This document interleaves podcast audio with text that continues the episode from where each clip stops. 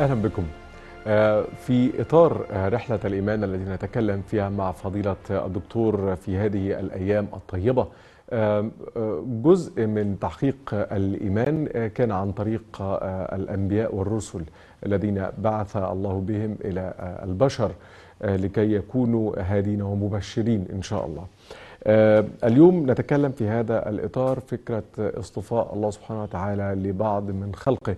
ليكونوا دون غيرهم ليكونوا رسلا وهادين ومبشرين للبشر.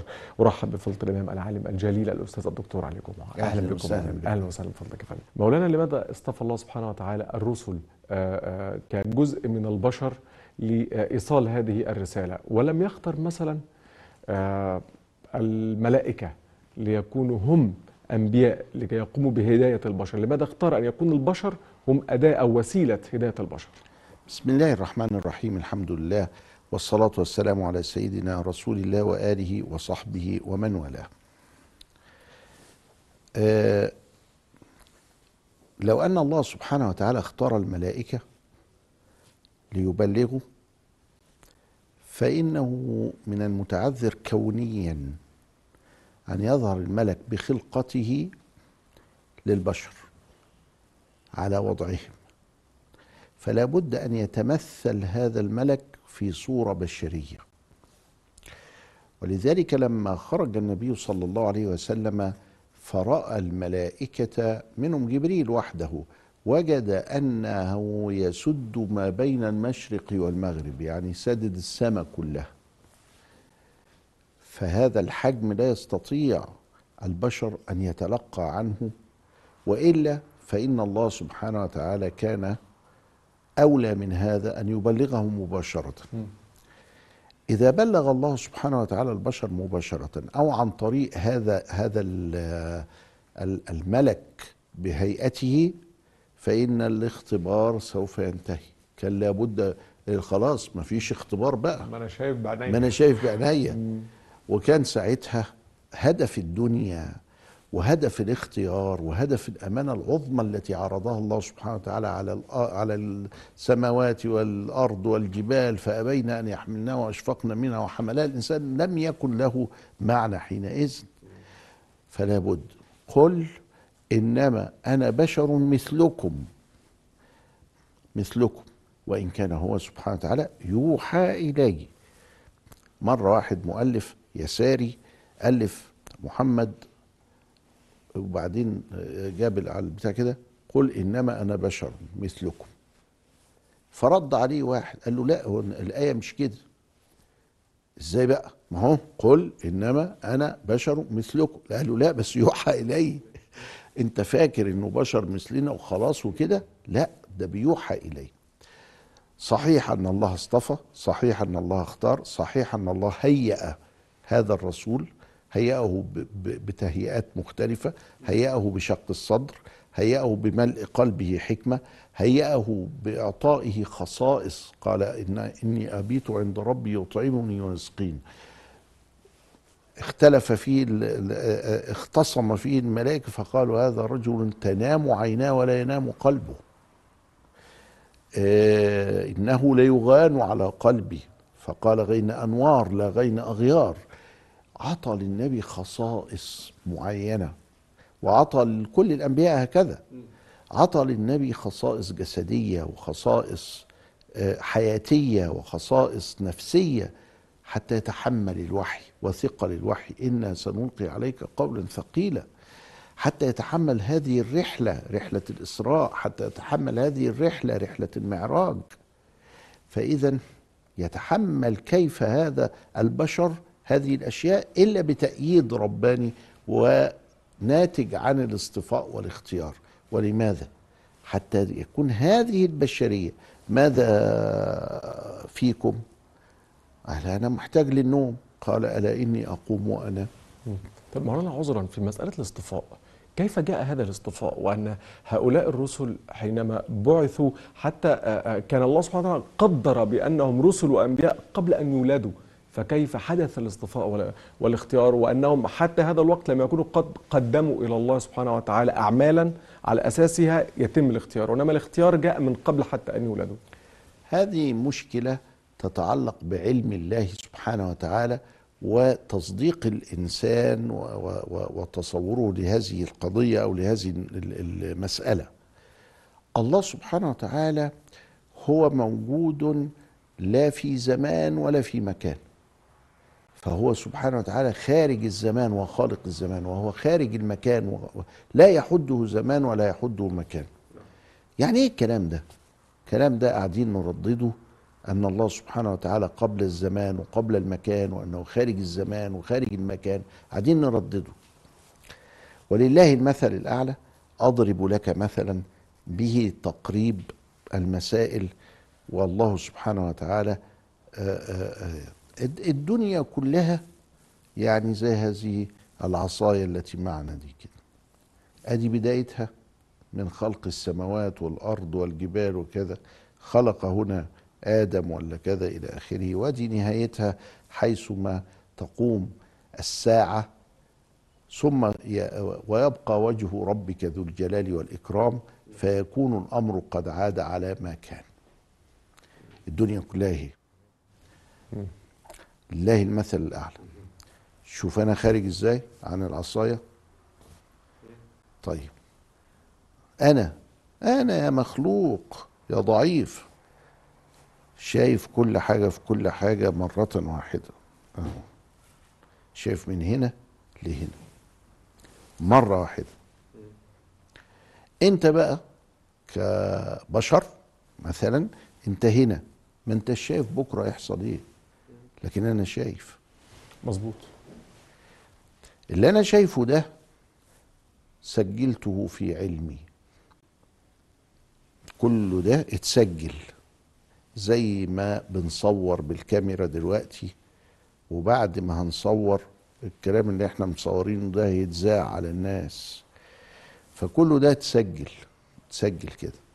تاخد له صورة. بما فيه بقى إيه؟ من تفاصيل تحت. إنه متى ولدت ومتى سأموت وماذا أفعل؟ فالحياة الدنيا كده الخط بتاعي كله. فهو قبل الخلق رأى فعل الأنبياء وقدرتهم إخلاصهم رأى توجهاتهم فاختار هؤلاء 124 ألف نبي واختار منهم صفوة تاني من فوق ال 124 312 رسول. فيبقى هو أدي الخلق أهو. قد إيه الخلق ده؟ نفرض إن هم 20 مليار. إحنا عندنا دلوقتي ستة وشوية كده سبعة. لكن افرض من أول الخلق لغاية آخر الخلق هيبقوا 20 مليار. افرض. أو أي مليارات اختار من المليارات دي 124 واحد 124 ألف واحد هو اللي صلى بهم النبي في ليلة الإسراء على داريا اللي هي في القدس المسجد هي على فكرة 144 ألف متر مربع. 124 ألف نبي صلوا في الحتة دي و20 ألف بقى من الملائكة ولا حاجة. ده إحنا كلامنا إحنا كده. لكن هي 144 ألف متر الساحة دي.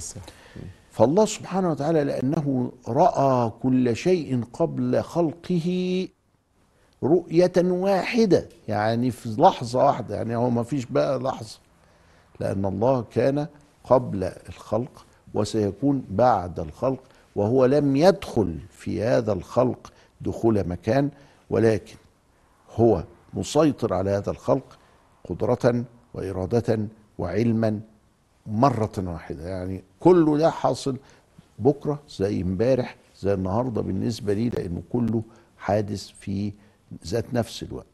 بما فيه بقى الجنة والنار والعرش وكل المخلوقات هي موجودة هنا. فإذا اختيار الله لأنبيائه من سبق علمه بأنهم أهل همة. أهل همة. ولكن الله لما جه أخبرنا بقى بالحقيقة وقال ما كان لبشر أن يكلمه الله إلا وحيا أو من وراء حجاب أو يرسل رسولا فيوحي بإذنه ما يشاء. فأصبح هناك طرق الاتصال بين الإله وبين ال 124 ألف نبي اللي جم اللي خاتمهم سيدنا النبي هم الثلاثة دول. إما أن يتكلم معه كفاحا كما حدث مع سيدنا موسى وكما حدث مع سيدنا محمد وكما كذا اللي هو إيه الكفاح ده اللي هو إيه؟ وكلم الله موسى تكليما.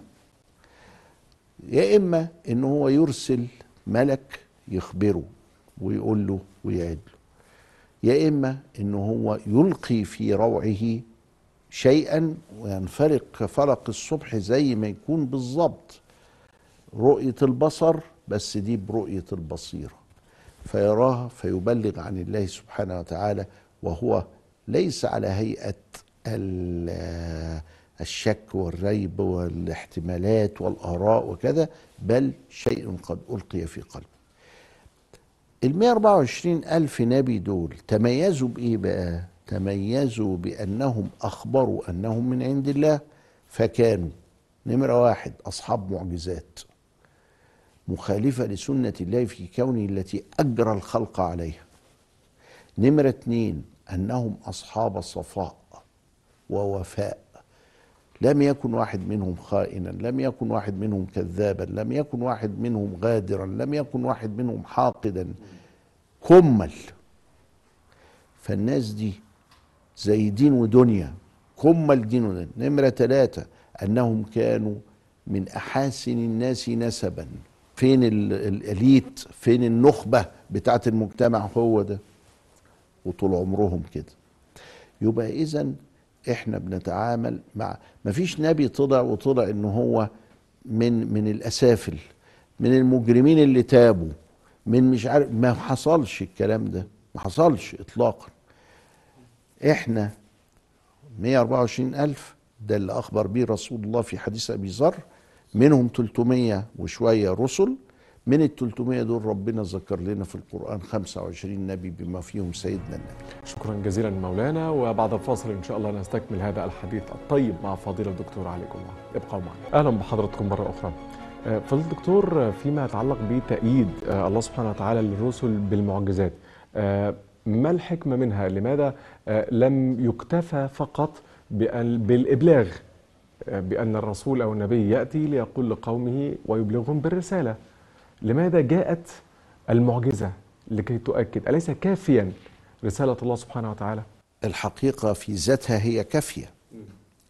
ولكن الشك مش بيجي من النبي ده الشك بيجي من الناس. الناس بتقول له يعني أنت دلوقتي عايزنا نسيب الزنا ونسيب الغش والتطفيف في الميزان ونسيب الظلم ونسيب آه، وعايزنا كمان نتوضى ونصلي بتاع إيه بقى. انت مين اللي قال لي ان انت من عند ربنا؟ فلما يحدث هذا التكذيب لكن هو أصل الرسالة إن هو يا أخي أنا بأمرك بالمعروف. أنا نمرة واحد أنا بأمرك بالمعروف وانهاك عن المنكر. نمرة اتنين أنني لا أريد منك اجرا ولا أريد منك لا سلطة ولا شهوه ولا أي حاجة. ده أنا في حال سبيلي. أنا بس ببلغ. لكن الناس هي اللي بتطلب وبتقول له أنا عايز أعرف أنت إزاي بتتكلم باسم الله؟ قال لهم أنا لا أريد منكم جزاء ولا شكورا قل لا أسألكم عليه اجرا إلا المودة في القربى يعني صلوا أرحمكم يعني أنا ما عايز منكم حاجة. فجم وقالوا طب تعال. إيه رأيك نعملك ملك ملك علينا؟ يا جماعة أنا مش عايز أبقى ملك. طب إيه رأيك لما نجمع لك شوية فلوس وندهم لك عشان تحل عننا؟ قال له مش عايز فلوس. قالوا لغاية ما قال لعمه أبي طالب والله يا عم لو وضعوا الشمس في يميني والقمر في يساري تخيل بقى إنه عطوله من العلوم ما يستطيع بهم بها السيطرة على الكون. لو وضعوا الشمس في يميني والقمر في يساري على أن ادع هذا الأمر ما تركته حتى يبلغ الله بي نهايته. فده ال- ال- الفكر بتاع الناس بتاع الناس بيقولوا له طب انت بقى مين اللي قال إن انت من عند الله؟ طب أعمل إيه؟ أجيب لكم ربنا يكلمكم؟ ادي دي نمرة واحد. ولا أخلي الملك اللي بيجي لي يجي لكم؟ ادي نمرة اتنين. ولا أوري لكم تحدي بخرق السنن الإلهية حتى تعلموا أن الذي خرقها هو الذي خلقها. أن الذي خرقها هو الذي خلقها. خلقها فتصدقوا. مم. فأجرى الله مثلا. على يد نبيه ألف معجزة. 999 زائد واحد يعني.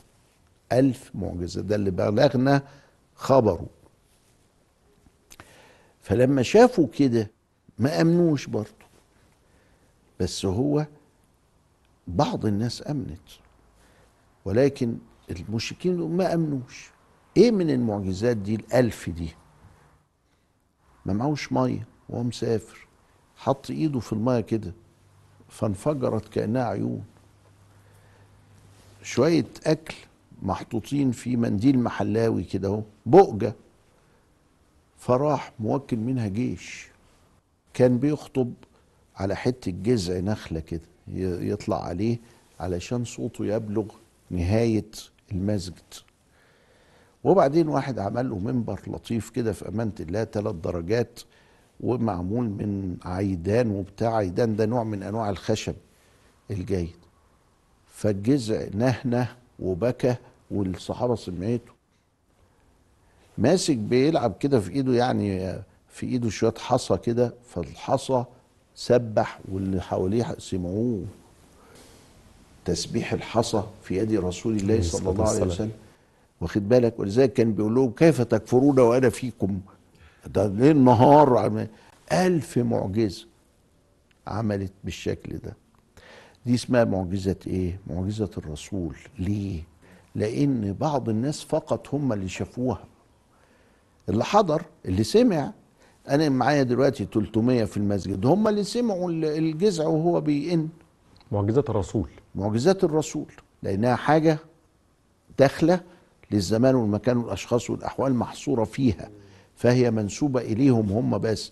أنا بقى بالنسبة لي ما شفتش ما سمعتش.